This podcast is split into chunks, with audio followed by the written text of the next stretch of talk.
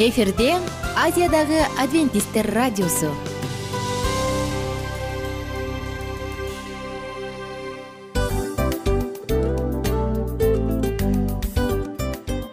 Достор салют. Баардык сүйүктүү угармандарыбызга салам айтабыз. Кутман күнүңүздөр менен. Ден соолук өмүрдүн булагы демекчи саламат саамы программасында баарыңыздарды көргөнүбүзгө абдан кубанычтабыз. Анда алгач амандашып өтөлү арбаңыздар деп. Ден соолугуңуздар кандай элибизде көбүнчө ден соолук кандай дегенде эле жакшы деп жооп беребиз э? ооруп турсак дагы жакшы дейбиз. Анан мен муну айтып ойлойт элем бул абдан сонун сөз депчи анткени бул жакшы деген үмүт да э ооба баары жакшы болот баары сонун. Деп үмүттөнүп атып эле өзүбүздү өзүбүз дарылап коебуз. Анысы кандай? Сиздин дагы ден соолугуңуз жакшы беш деген үмүттөбүз чындыгында ден соолук бул өмүрдүн булагы деп бекеринен айтылган эмес деп ойлойм. Кыргыз элинде анткени эгерде ден соолук жок болсо анда адамдын жашоосунда калган баардык керектүү маңыздуу нерселер өзүнүн баалуулугун жоготуп коет. Ошондуктан ден соолук бул эң керектүү нерсе. Ооба туура айтасың кесиптешим чынында ден соолугуң жок бир эки үч күн ооруп калсаң эле э кандай болуп калат? Жашоодо көз каранды болуп каласың көп нерсеге жетишпей каласың көп нерсени кыла албай каласың жада калса эшикке дүкөнгө да чыга албай каласың. Туптуура анан ден соолук болсо демек биз биздин бактыбыз тоодой деп койсок болот. Анда достор саламат саамы рубрикабызды баштайлы. Алдыда өзүңүзгө керектүү болгон сонун кеңештерди уга аласыздар. Мына ошондуктан биз менен бирге болуңуздар. Ал эми биз болсо милан жана айнура. Кеттик алга. Алга саламат саама ден соолуктун жарчысы. Саламат саама ден соолуктун ачкычы. Күн сайын сиз үчүн мыкты кеңештер сонун жаңылыктар кызыктуу фактылар биздин рубрикада.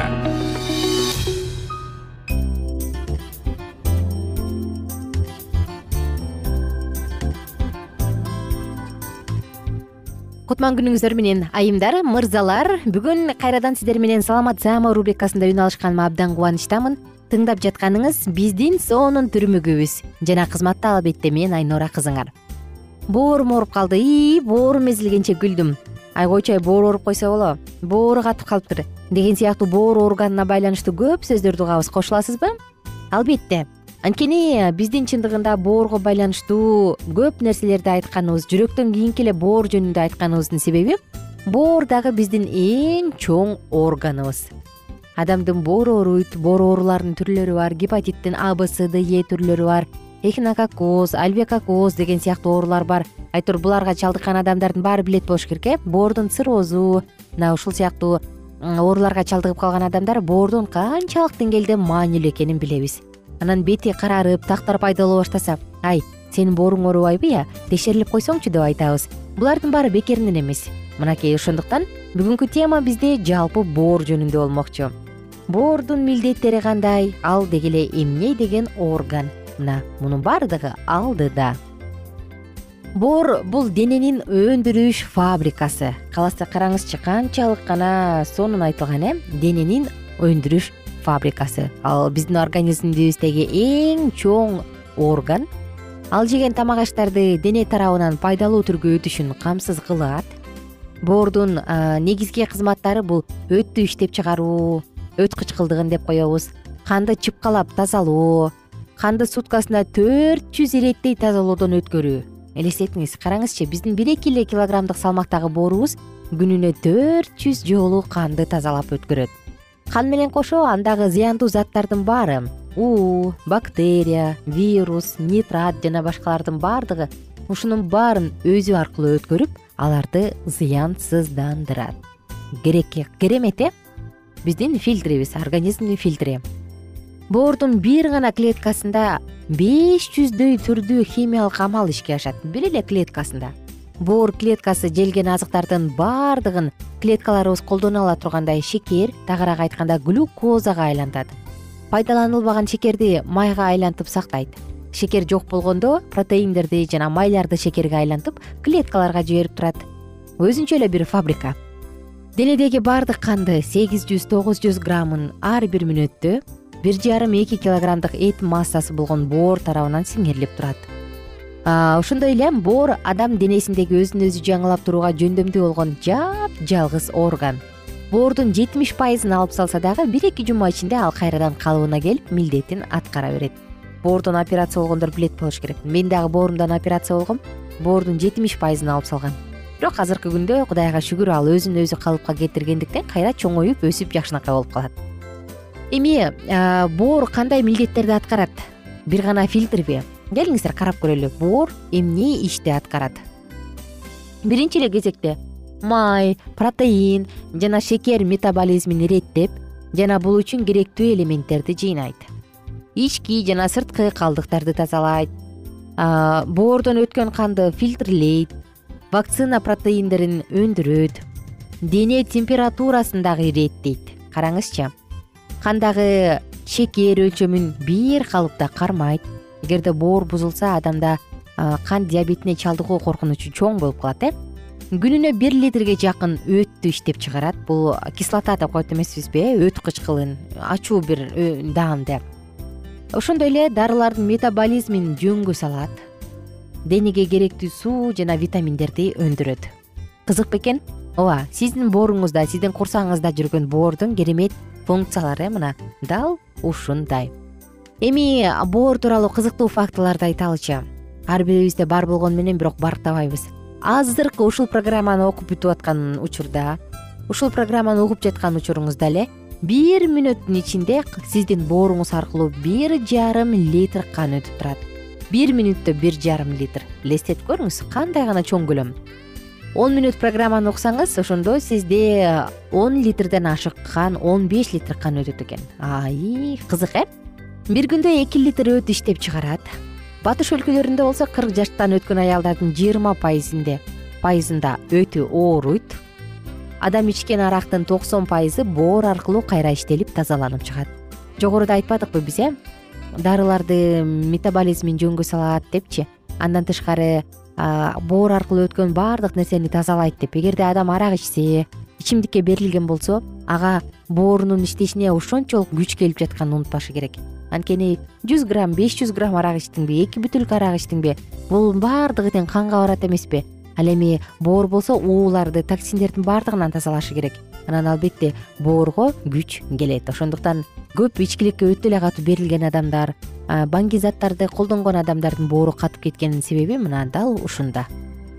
Соңку учурда эмне дейбиз? Эскертүү айта турган болсок эгерде ардактуу угарман сиздин териңиздин же жакыныңыздын терисинин саргайып баратканын сезсеңиз зарадагы саргарып калганын байкасаңыз ал эми заң тескерисинче агара баштаса сөзсүз доктурга барыш керек.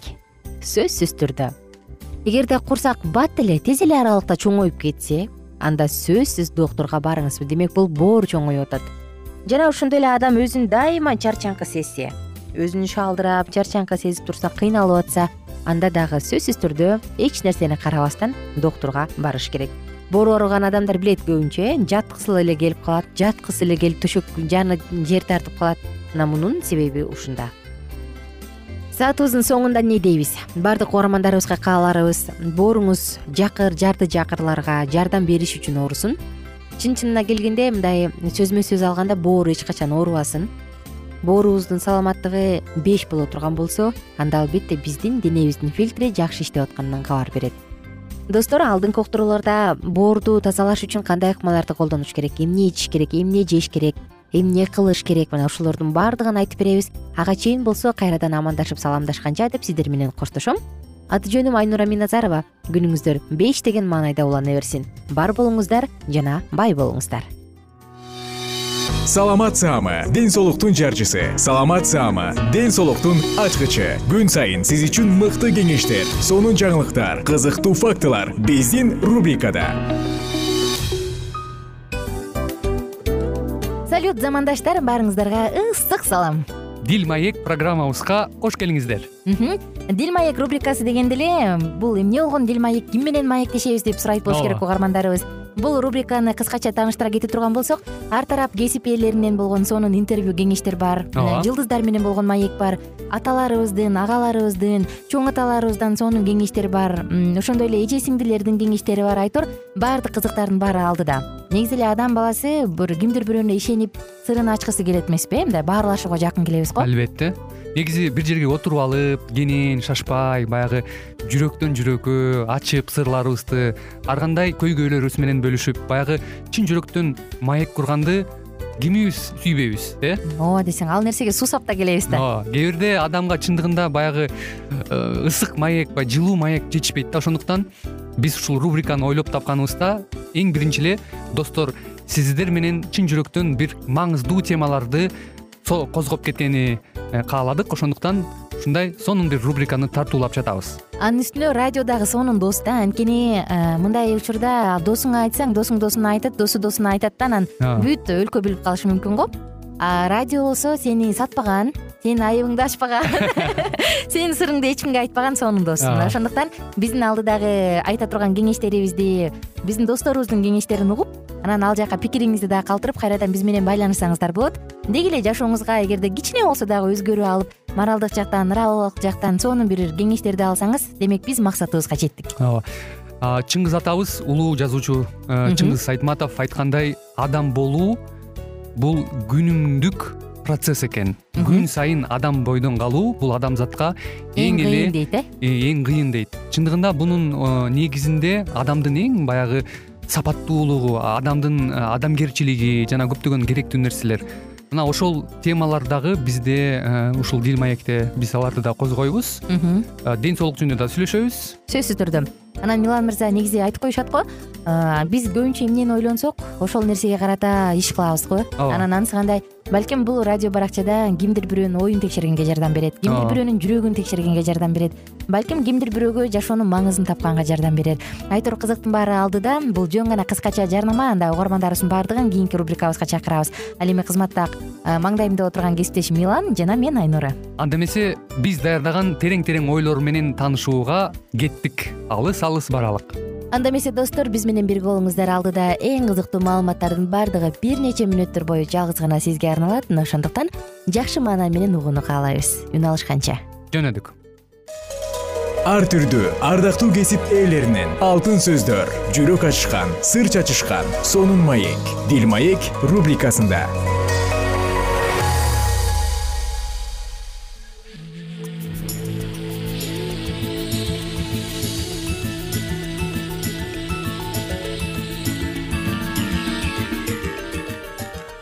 амансыздарбы кадырман радио угарман кайрадан эле сиздердин назарыңыздарда бактылуу мекенин баалуу эрежелери аттуу уктуруубузду баштайбыз.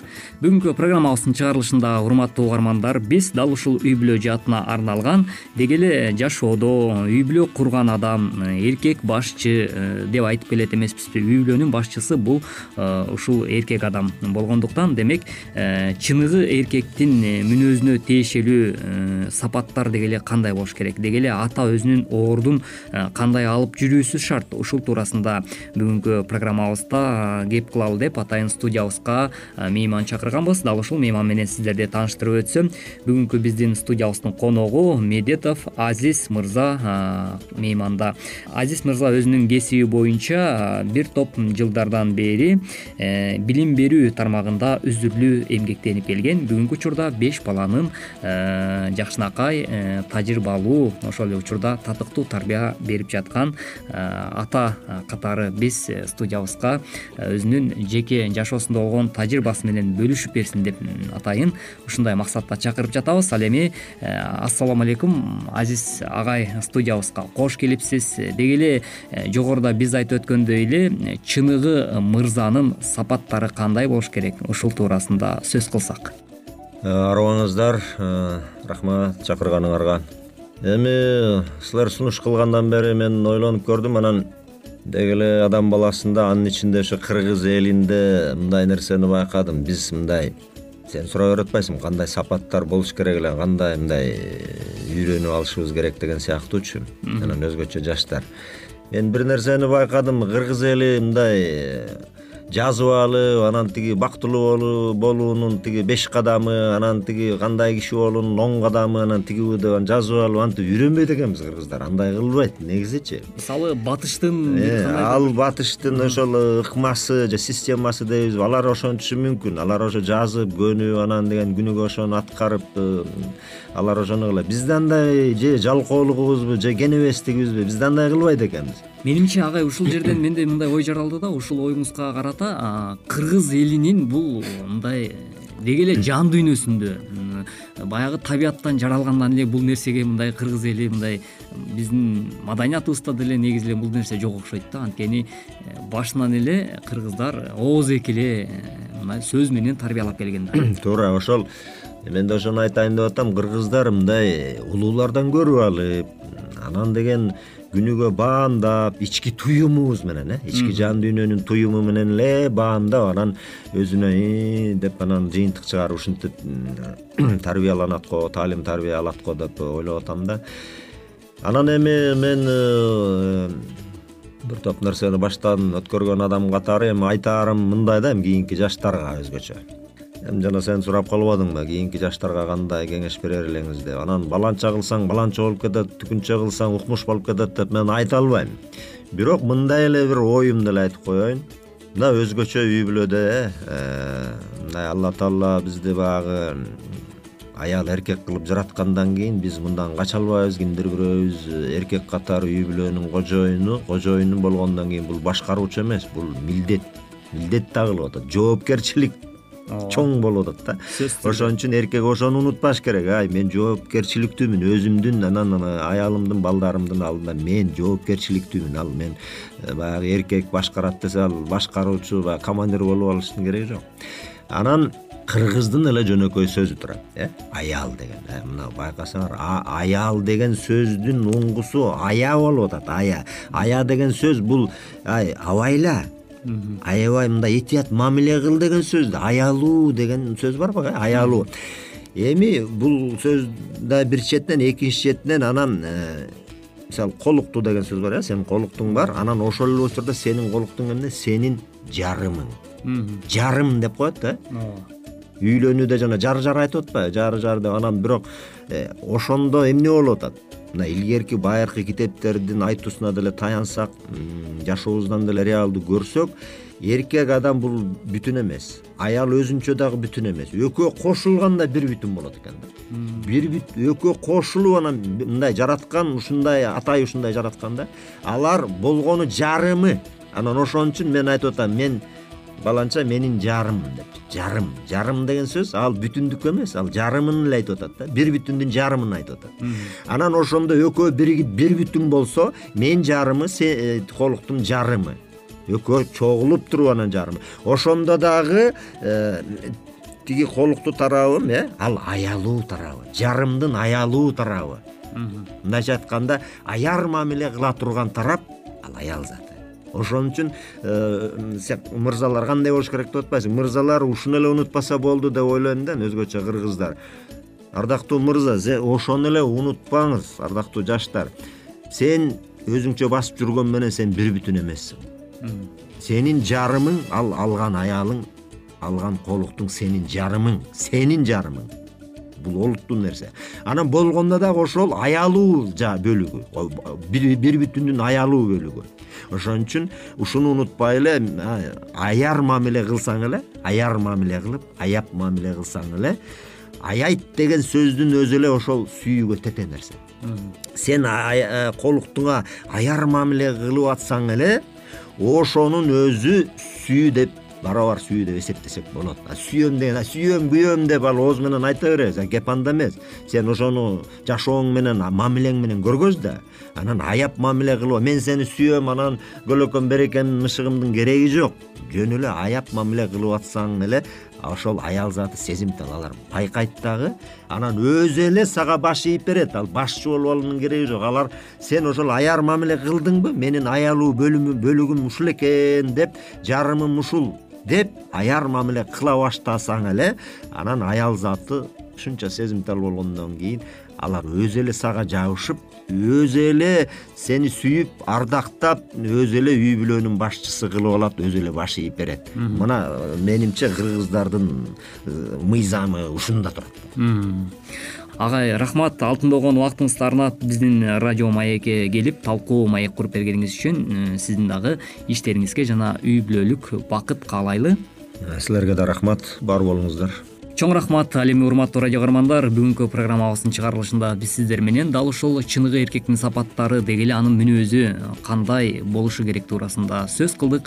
Уктуруубузга назар салганыңыз үчүн ыраазычылык билгизебиз. Эмки уктуруудан кезишкенче аман туруңуздар ар түрдүү ардактуу кесип ээлеринен алтын сөздөр жүрөк ачышкан сыр чачышкан сонун маек дил маек рубрикасында. Жан дүйнөңдү байыткан жүрөгүңдү азыктанткан жашооңо маңыз тартуулаган жан азык рубрикасы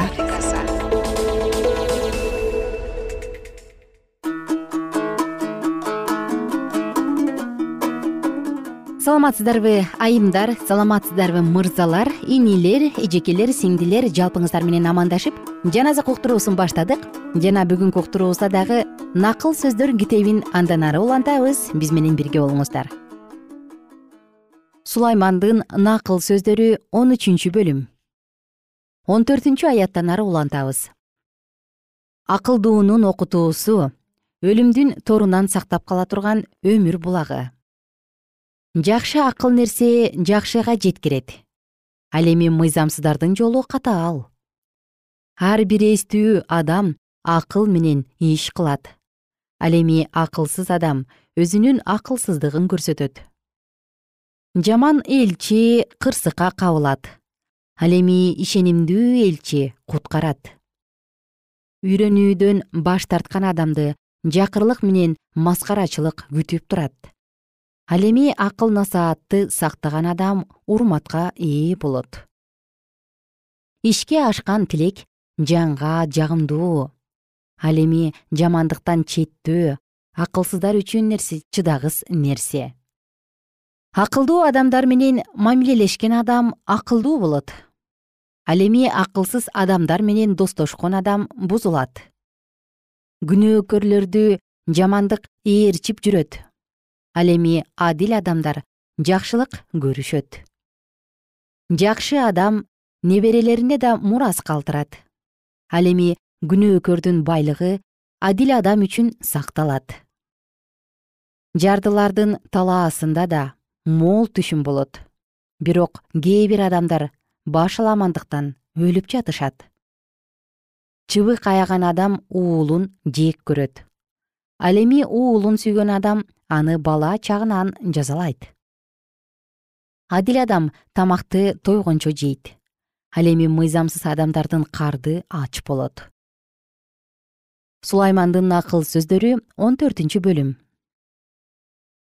Акылдуу аял үйүн курат. Ал эми акылы жок аял аны өз колу менен бузат. Түз жол менен бара жаткандар теңирден коркушат ал эми кимдин жолу түз эмес болсо ал теңирди тоотпойт. Акылсыздын тили текебердиктин камчысы. Ал эми акылдууларды тили сактайт. Бука жок жерде акыр бош ал эми мол киреше булкачалардын күчүнөн. Ишенимдүү күбө калп айтпайт. Ал эми жалган күбө көп жала жабат. Шылдыңчыл адам акылмандыкты издейт бирок таба албайт. Ал эми акылдуу адамга билим алуу оңой. Акылсыз адамдан кач анын оозунан акылдуу сөз чыкпайт. Акылдуу адамдын акылдуулугу өз жолун билгендиги. Акылсыз адамдардын акылсыздыгы болсо адашуу. Акылсыз адамдар күнөөгө күлүшөт. Ал эми адил адамдардын арасында ынтымак жүрөк өз жанынын кайгысын билет. Анын кубанычын бөлөк бирөө бөлүшө албайт. Мыйзамсыздардын үйү бүлгүнгө учурайт. Ал эми адил адамдардын үйү гүлдөйт. Адамга түз көрүнгөн жолдор бар. Бирок алардын акыры өлүмгө алып баруучу жол. Күлүп жаткан адамдын да жүрөгү ооруйт. Кээде кубанычтын аягы кайгы менен бүтөт жүрөгү бузук адам өз жолунун жемишине тоет жүрөгү таза адам да өз жолунун жемишине тоет акылсыз адам ар бир сөзгө ишене берет. Ал эми акылдуу адам өз жолун байкап жүрөт. Акылдуу адам кудайдан коркуп жамандыктан качат. Ал эми акылсыз адам ачуулуу өзүнө өзү ишенген адам ачуусу чукул адам акылсыздык кылышы мүмкүн ал эми атайылап кыянаттык кылган адам жек көрүндүү болот. Түркөй адамдар энчисине акылсыздыкты алышат. Ал эми акылдуу адамдар билим менен сыйланышат. Кара ниет адамдар ак ниет адамдарга мыйзамсыз адамдар адил адамдардын дарбазасынын алдында таазим кылышат. Жакыр өз жакындарына дагы жек көрүндүү болот. Ал эми бай кишинин достору көп. Өз жакынын жек көрүп жаткан адам күнөө кылып жатат. Ал эми жакырга кайрымдуу болгон адам бактылуу. Ада жамандык кылууну ойлоп жаткандар адашып жатышкан жокпу? Ал эми жакшылык кылууну ойлогон адамдарда ырайым ишеним бар. Ар бир эмгектен киреше кирет ал эми маңызсыз сөз зыянга гана учуратат. Акылдуу адамдардын таажысы өздөрүнүн байлыгы. Ал эми түркөй адамдардын таажысы өздөрүнүн акылсыздыгы. Ишенимдүү күбө адамдарды куткарат. Ал эми жалган күбө жалаа жабат. Теңирден коркуу бекем таяныч. Ал өз уулдарына башпаана теңирден коркуу өмүр булагы. Ал өлүм торунан сактайт. Эли көп падыша улуу падыша эли аз падыша шордуу падыша. Сабырдуу адамдын акылы мол ал эми ачуусу чукул адам өзүнүн акылсыздыгын көрсөтөт. Момун жүрөк денеге өмүр. Ал эми көрө албастык сөөккө ириң жакырды кордогон адам анын жаратканына акарат келтирет. Ал эми аны урматтаган адам муктаж болуп турган адамга жакшылык кылат. Мыйзамсыз адам кылган жамандыгы үчүн четке кагылат. Ал эми адил адамдын өлүм алдында да үмүтү бар. Акылмандык акылдуунун жүрөгүндө жашайт. Акылсыздар арасында ал өзү жөнүндө билдирип турат. Адилдик элдин даңкын чыгарат. Ал эми мыйзамсыздык элдин абийирин төгөт падыша акылдуу кулга ырайым кылат. Ал эми аны уят кылган адамга каарын чачат.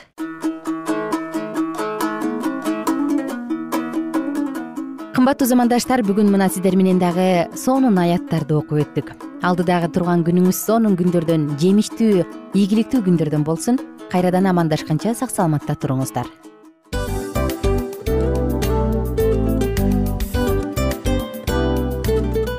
ушул менен достор программабыздын уктуруубуздун эң кайгылуу мөөнөтүнө келип жеттик. Кайгылуу дегенде ыйлагым келип кетти кесиптеш. Кадимкидей. Анткени баягы учурашасың анан коштошуу учур келгенде ии кантип ии мен бат баттан келиптир э сагындырбай деп атып араң коштошобуз го? Анысы кандай угармандарыбыз менен коштошчу учур келди кийинки уктурууларды сагыныч менен жүрөгүбүздө кусалык менен күтөбүз жалпыңыздарды анан жарым сааттык уктуруу көз ачыш йумканча өтүп кетти сөзсүз.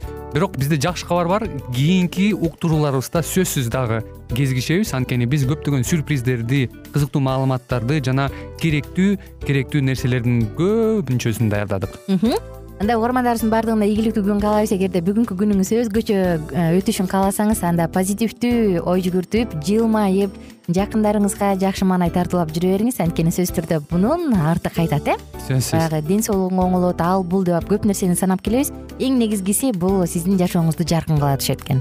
Жараткан кудай ар бирөөңүздөргө батасын берсин жашооңуз ийгиликтүү болсун сак саламатта калыңыздар деп мен милан жана кесиптешим айнура. Баардыгыңыздар менен кийинки уктурууда үн алышканча баарыңыздарга ийгилик каалайбыз